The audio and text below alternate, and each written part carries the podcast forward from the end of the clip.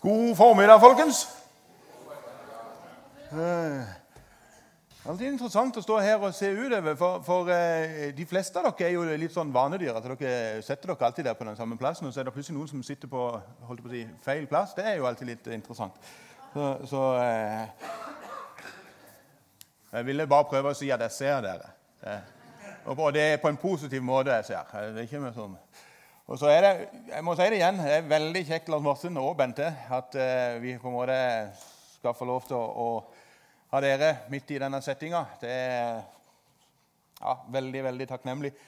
Uh, jeg skal ikke si uh, altså, når vi bodde i Lyngdal, og, og menigheten der plutselig begynte å bli en viss størrelse, så, så kom de plutselig til den situasjonen at det da ble to ansatte.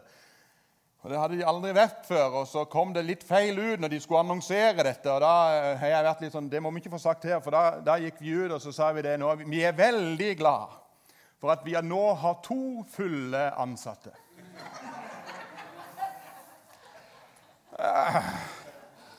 Det, det, men, men, veldig kjekt, Lars Martin, at du er med. Og jeg gleder meg til at vi skal jobbe tett sammen.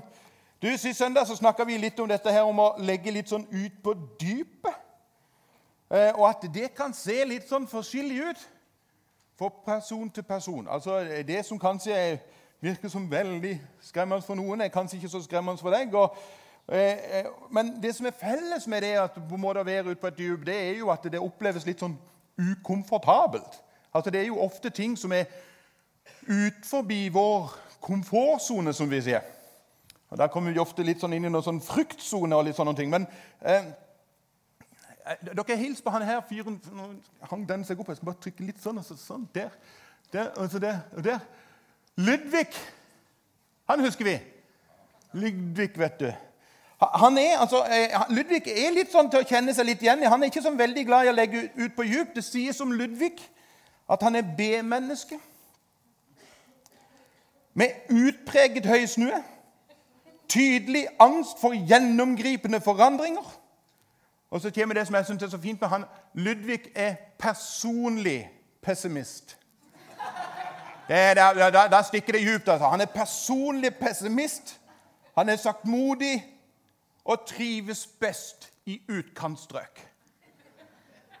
Og i tillegg så drømmer han om å få lov til å ligge innerst. For da er det enda tryggere.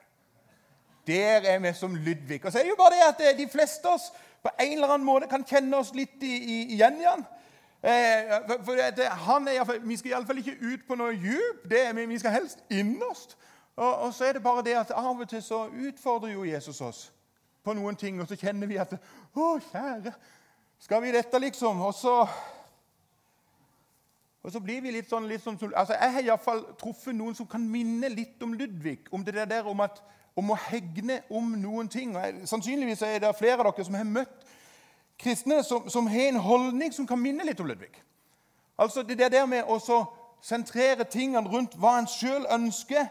Ikke det at de er sånn personlig pessimist, det, det, det, det tror jeg ikke de er. Men, men de er litt sånn eh, de legger litt sånn begrensninger for seg sjøl. Og av og til så legger de til og med begrensning for mennesker i sin midte.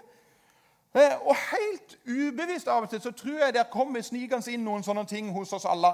Man alle. Så tenker jeg, dette her kan vi ta oss og snakke litt om. For, at, eh, for, for, hvem av oss har ikke av og til tenkt litt sånn at å, hadde det bare vært sånn som jeg vil ha det? Altså, eh, å, Hvis vi bare hadde sunget de sangene da kjenner jeg, altså det kan Jeg love deg, jeg hadde langt hår for en grunn. altså Det, altså, det er veldig sjelden vi spiller min type musikk her for gudstjenester. Men tenk om vi hadde spilt min type musikk. Og tenk om de hadde bare hatt han til å tale. For han, og når han taler, da kjenner jeg at å, Og hadde de bare snakket mer om de tingene der, det hadde jeg likt. Og hadde de bare snakket mer om eh, endetid, om Israel altså, altså, Og så løfter vi opp noen sånne enkelte ting, og så bare kjenner vi at å, Hadde vi bare gjort det, da hadde jeg trivts. Og Jeg hender til og med at jeg har truffet folk som sier det, ja, men det var ingenting for meg på den gudstjenesten. Så tenkte jeg ja, det for det var vel det vi samla oss rundt. Eh, og så er det ofte sånn at eh, Og jeg blir sur hvis ikke det blir sånn som jeg vil. Da blir jeg sur. Jeg husker en eh, bibliotekdame som spurte hva er det som gjør deg sur. Og da sa du jeg blir sur når folk bruker ansjos som bokbind. Da blir jeg sur. Jeg vet ikke hva som gjør deg sur, men nå, nå, nå, nå skjønner dere, altså, jeg håper virkelig at dere skjønner at nå, brei, nå maler jeg med veldig bred pensel her. altså. altså men, men, det er litt for å prøve å løfte opp et poeng som jeg tror jeg har løfta opp her med noen anledninger og òg i andre sammenhenger. som jeg tenker at Dette må vi av og til løfte opp. og jeg tror Hvis ikke du har hørt det før, så skal du få lov til å notere det ned. Og så skal du få lov til å feste det på eh, speilen din hjemme. For dette møter vi igjen og igjen hele tida. Og det er dette her med at eh, vi har så lett for å tenke at eh, det skal handle om oss. Og så er det bare det at eh, dette livet her mm, hjelper meg. Nå må du virkelig hjelpe meg, for nå er jeg helt ute å kjøre, eh, Denne her henger seg opp. Det er en knapp som henger hos meg her. Så det Har jeg datt helt ut? Så gøy, da. Nå er jeg der. Ta en til. Eh, det handler ikke om meg. Det handler ikke om deg. Og for noen så er det litt sånn Hæ? Gjør det ikke det? Ikke, altså, dreier ikke livet seg om, om, om meg og, og som mitt. Altså, jeg tenker, Det er én dag i året det kanskje skal handle om deg, og det er på bursdagen. Da, da, liksom, da handler det om deg. Men altså, egentlig så handler det ikke om deg. Altså, hvis du ser den neste sliden, så vil du få opp et bibelvers der det står dette her fra Kolosserne 1. Hvis du er med deg Bibelen, så må du gjerne slå opp. Der det i Kolosserne så står det dette For i ham, altså i Jesus, for i ham er alt blitt skapt i himmelen og på jorden. Det synlige og det usynlige. Troner og herskere, makter og åndskrefter. Alt Fikk du med det? Alt er skapt ved ham og til ham. Alt er skapt ved ham og til ham. Livet, folkens, Livet med stor L handler om Jesus. Vet du, nå jeg tenker, Dette er noe som vi må på jeg, Nå skal jeg snakke for min egen del. Altså, har, Jeg har så lett for å gli ut av noen sånne settinger der jeg tenker det handler jo mye om meg. Hjelp meg, Jesus, til å løfte blikket opp fra min egen navlelo til og med som ser at vet du, det handler ikke om meg. Men det handler om at du skal få lov til å vinne skikkelse i meg. Altså, det hender jo når noen spør altså, hva dette livet, hva handler livet om. Så sier folk ja, det handler om at jeg skal ha suksess, at jeg skal tjene penger, at jeg skal ha fremgang, at jeg skal få Og jeg skal få altså, Det er noen som svømmer sånn som dette her, og det går som regel veldig dårlig. Men vet du noe? Hva livet handler om, er jo helt feil spørsmål. Spørsmålet er jo hvem livet handler om. Og hvem svaret på hvem livet handler om, da bør du ikke komme ut med svaret 'meg'. Da har vi ofte bomma, men vi glir så fort inn i det. For vi, vi drømmer jo om å få lov til å ligge innerst. Og vet du, Når Gud kaller oss ut på dypet, så svarer vi som lyd. Men det er farlig, det. Og blåser det nordavind fra alle kanter er ikke greit. Men livet, folkens, det handler ikke om meg, men om Jesus. Vet du noe? Vi må lese resten Irriterende at ikke den virker. Du må trykke.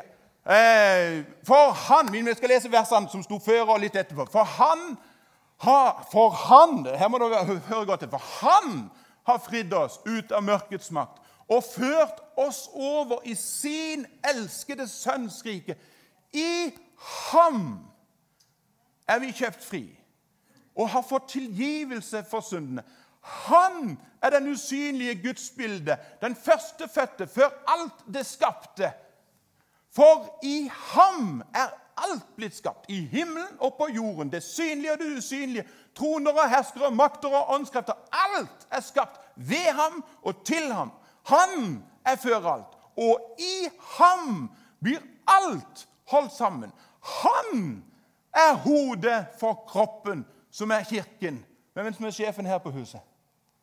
Det hender altså Noen barn kommer springende bort til meg og så sier de, ja, du er sjefen her. Så tenker jeg med meg selv nei, Er det noe jeg iallfall ikke er, så er det sjefen her. Han er hodet for kroppen som er kirken. Han er opphavet, den førstefødte fra de døde. Så han i ett og alt kan være den fremste. Hvem er den fremste i ditt og mitt liv? Hvem er sentrum i livet ditt? Kan jeg gi dere et eksempel på hvor fort dette her kan glippe for oss? Og så er det helt, vi, vi, vi gjør det ubevisst. Men hvem av oss som har barn eller barnebarn, har ikke ofte tenkt følgende tanke Å, jeg håper mine barn blir buende i nærheten av der jeg bor. Jeg håper mine barn blir i den menigheten som jeg er i. Jeg håper mine barnebarn blir der jeg er. Jeg håper at de kan være Vet du noe? Det er faktisk en veldig egosentrert tankegang, egentlig. For tenk om Gud har lagt et kall ned i ditt barn eller barnebarn eller dine venner og kollegaer som er i helt andre settinger enn det du og meg har tenkt. Altså, ja, For all del jeg skal være den første til å innrømme jeg hadde syntes det var himla kjekt hvis alle mine barn og barnebarn hadde flytta til Porsgrunn. Det hadde jeg likt. Men det er òg noe med å tørre å si vet du noe? La Gud få lov til å virke i de, sånn at, eller at du kan få lov til å hjelpe de til å si vet du noe? Det handler ikke først og fremst om meg, men hva Gud kan få lov til å gjøre inn i livet ditt. Jeg er veldig, veldig takknemlig for min mor. Min mor er nå oppi årene. Godt oppi 80-årene. Plutselig var tallet vekke. Uh, så er ikke kona mi her, ser jeg. Jo, det er hun. det. Og det at, uh, 84. Gi meg et lite nikk, da, i det minste, sånn at jeg får litt sånn 85. Hotellet, hun òg. Ah, så deilig! Men mamma, hun er god. Uh, og um, det som er litt sånn gøy med min mor, det er at, at, at hun har levd dette her. Altså, jeg, jeg husker når jeg plutselig kom hjem som 16-åring midt på sommeren. Og så sier jeg det. 'Mamma og pappa, jeg har ikke tenkt å gå på skolen, på videregående skole eh, her i byen, som jeg egentlig har kommet inn på. Jeg har lyst til å reise og gå på en skole i Grimstad.' Og det er klart at Da kunne de ha sagt vet du, nei, nei, nei, nei, nei. Nå må du høre det. Altså, Nå blir du her. Altså, Nå har du kommet inn på den skolen, og vi har jobba litt for å få deg inn der, og vi har investert i deg, og, og eh, vi har liksom prøvd å lære deg noen ting her. Men nei, nei. De hadde et større tanke. De tørde å si vet du noe, greit, Reis. Når jeg kom hjem etter noen år og sa jeg har tenkt å flytte til Nord-Norge, så kunne de sagt det var da veldig langt. Men istedenfor sa de vær så god, reis. Min far var død før vi reiste hertil, men når vi skulle reise til Porsgrunn, så velsigna min mamma oss. Og så sa hun 'reis'. Hun kunne ha sagt dere må jo ikke reise. Nå begynner jo jeg å bli gammel. Jeg trenger noen rundt meg som kan være med og hjelpe meg og passe på meg og stelle litt for meg og fikse ting. Og Hun kunne til og med servert meg dårlig samvittighet og sagt at 'Har du samvittighet, Tore, til å reise ifra meg nå?' Vet du noe? I sjelesorgsrommet så har jeg møtt fortvila mennesker som har sagt og fortalt meg at jeg kjenner jeg har et kall til å reise ut, men jeg har en familie som tviholder på meg. Og på en måte plante ned sine tanker i mitt liv om at jeg må bli værende. Og så kjenner jeg Gud kalle meg. Og Når jeg nevner det for dem, så kommer de opp med en sånn ting som jeg kjenner det er for dårlig samvittighet. Og så skaper de dårlig samvittighet i meg. Og så tenker jeg, kjære Jesus, hjelp oss til å se at livet handler ikke om oss, men det handler om Jesus. Hva han kan få lov til å gjøre gjennom våre liv. Og at vi kan få lov til å være med og velsigne andre ut. Og hjelpe dem til å se de samme tingene som det vi har sett. At vi hjelper dem til å sette Jesus i sentrum, fremst i sitt liv. Sånn at ikke det handler om åssen jeg tenker at det ville vært best for min situasjon. Men at det blir til det beste for Guds rikes sak. Noen av disse som har vært i sjelesorgsrommet med meg, har gått et langt steg ut i dette her og sagt vet du noe, det får bare være at jeg muligens sårer dem. Men Guds kalle er større. Og så står de i dag i noen settinger og noen tjenester som er, er helt fantastiske. Vet du, vi blir velsigna av Gud for å velsigne andre. Kaja, hjelp meg. Kom til den. Jeg er velsignet for å velsigne. Jeg har en eh, bekjent av meg som signerer alle sine mailer med det. Velsignet for å velsigne. Jeg har fått noe som jeg vil gi videre til de jeg møter. Jeg skal ikke holde på det. For når Gud velsigner oss, så handler jo det om at han trekker oss inn til seg for at vi skal bli knytta til han og, lære, og ha fellesskap med han. Men ikke for at vi skal sitte der og kose oss, eller for at vi skal ligge innerst.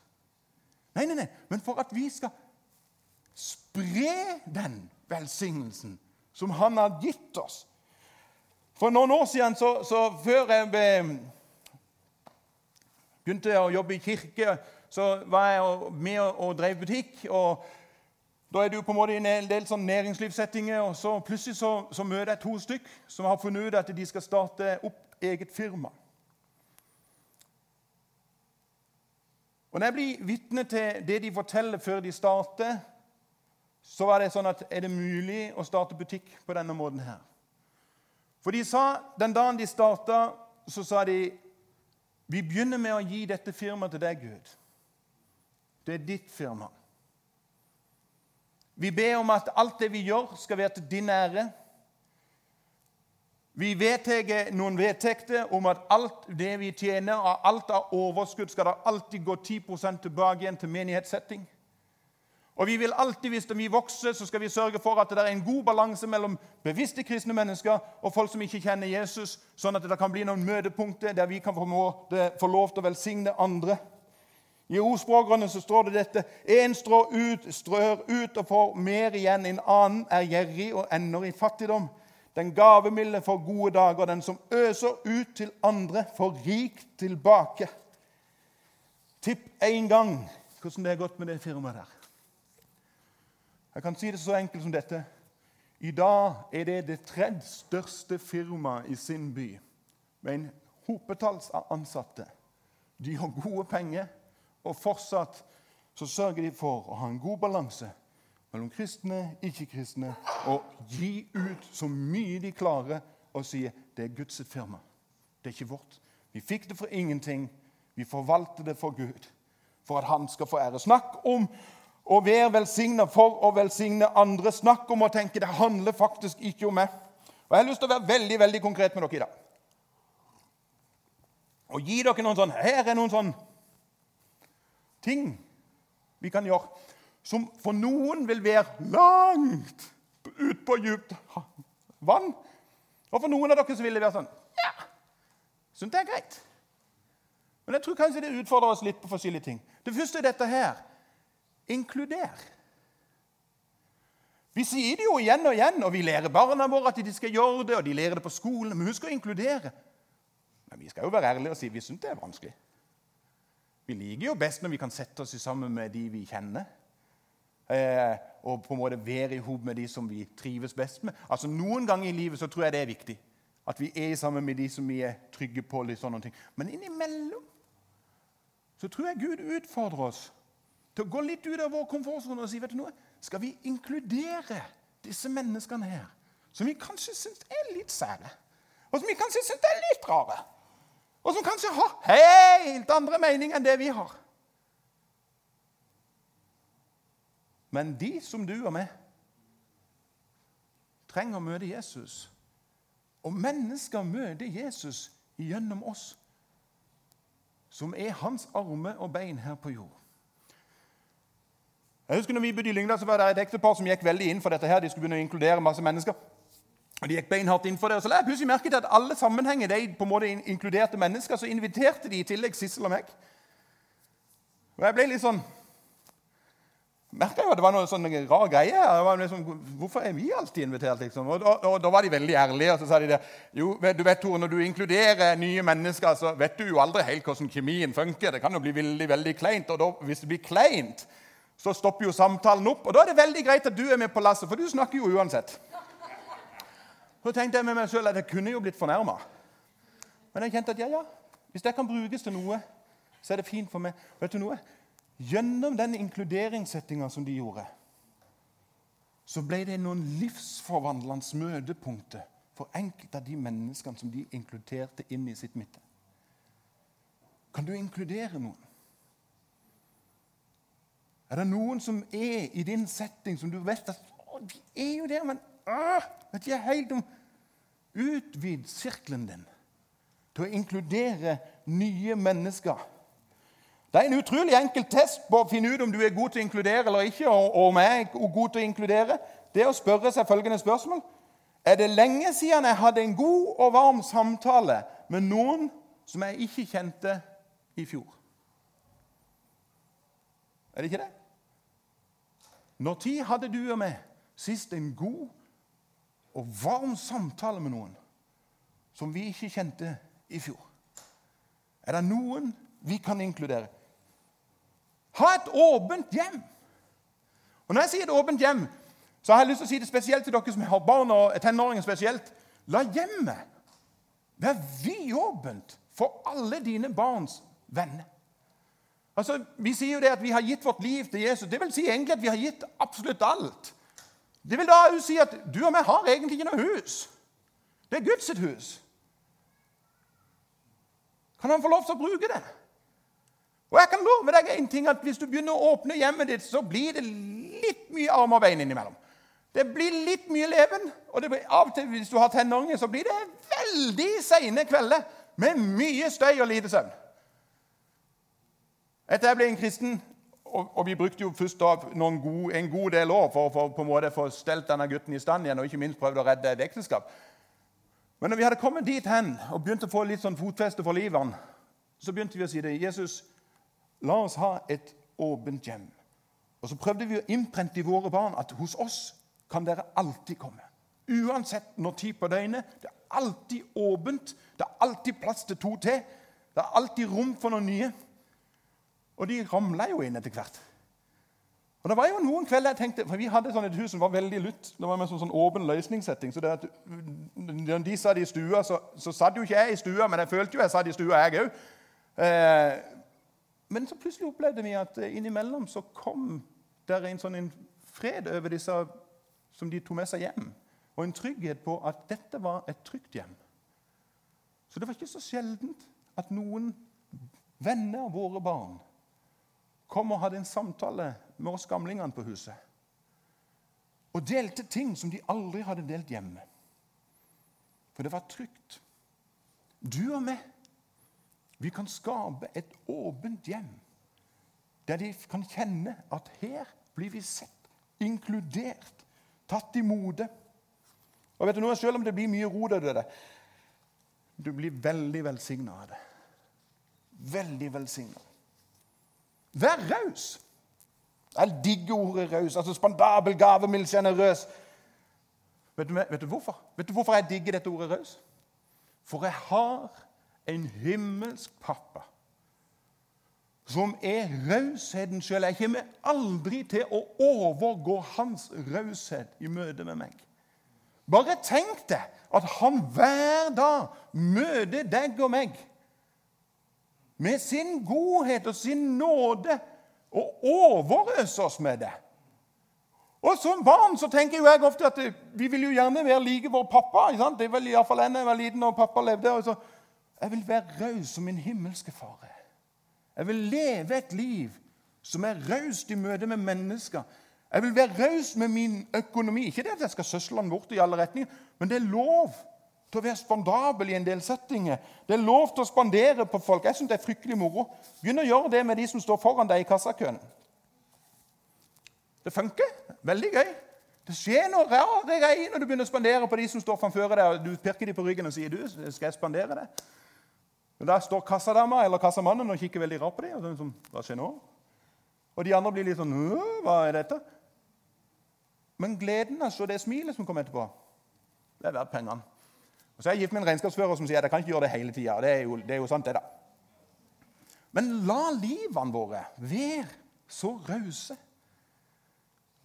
at vi har rom for en del mennesker. Jeg syns at våre liv bør være så rause og så romslige at vi har plass til en skikkelig tverr tenåring. Såpass rause bør vi være. Det bør være rom til en ektefelle som akkurat nå for tida er litt strevsom. Det bør være rom for en litt sånn slitsom kollega som du vet at alltid du blir litt sånn åh, Men la det være så mye raushet i livet ditt. Det er rom for den. Og ikke minst, la det være rom for to-tre utrolige dårlige sjåfører som du møter på vei hjem fra jobb. Du trenger ikke å bli så ørgende sint for dem. Det, det, la det være en raushet i livet. Og den siste tingen jeg har lyst til å nevne smil. Smil. Smil en gang til, Kaja.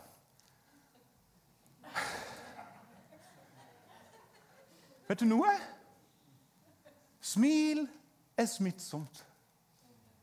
Og jeg er så takknemlig for at i denne menigheten her så er det mye smil og latter.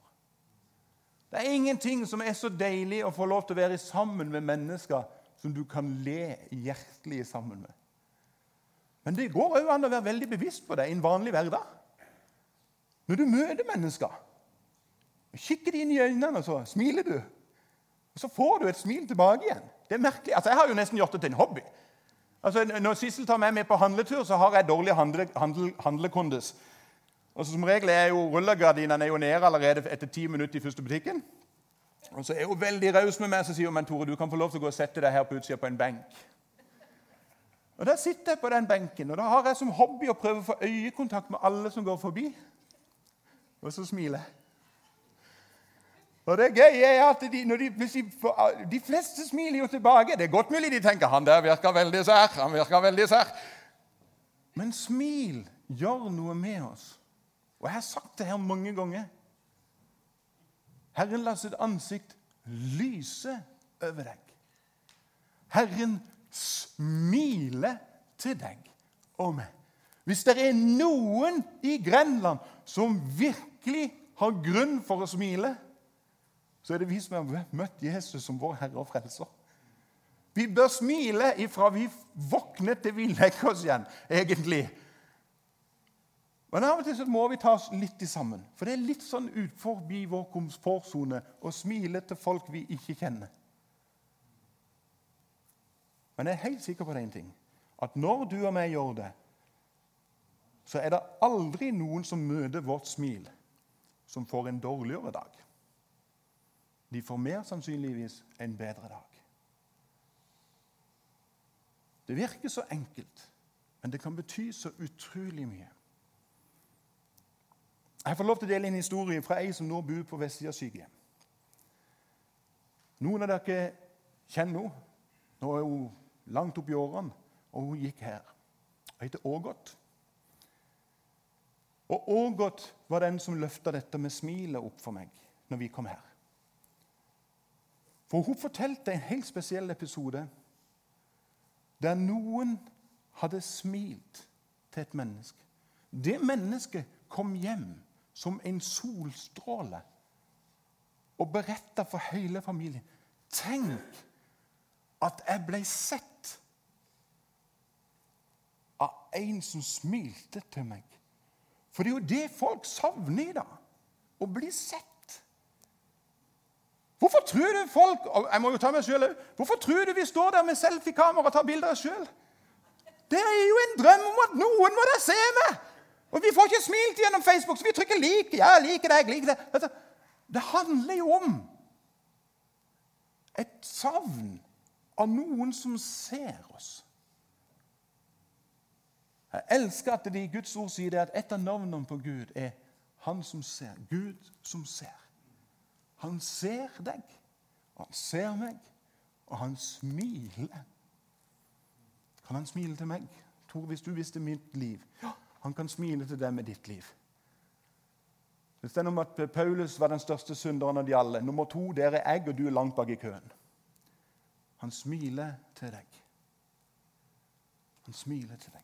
Du kan dele et smil med de du møter. Oi. Vi skal gå inn for landing. Det handler ikke om det. Livet, folkens. Livet handler om Jesus. La han få lov til å velsigne deg, sånn at du kan velsigne andre. Og kanskje gjennom det så er det noen som får glimt av Jesus. Sånn at de blir knytta til Han. Det er vår visjon som menighet. At vi kan knytte mennesker til Jesus. Ikke til PMK, men til Jesus.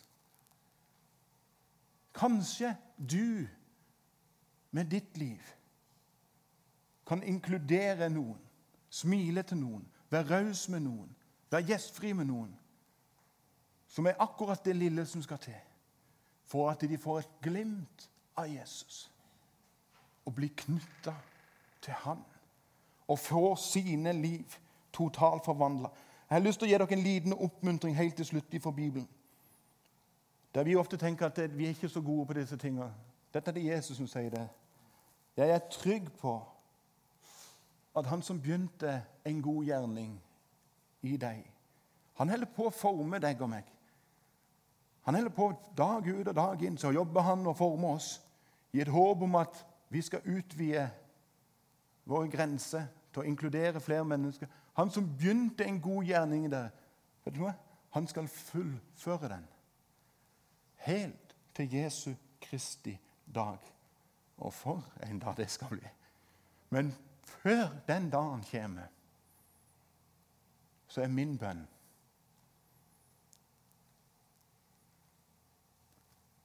at mine venner, naboer, familie skal ha møtt Jesus. Møtt Han som livet handler om, som er livet med stor L. Hvis du tenker at 'dette kan jeg ikke få til', vet du noe? her har du verset. Han skal gjøre det gjennom ditt liv. Når vi setter ham i front, i sentrum, og sier 'Hjelp meg, Jesus', til å ikke leve et egosentrert liv. Og jeg er trygg på at han som begynte en god gjerning i dere, skal fullføre den helt til Jesu Kristi dag. Amen.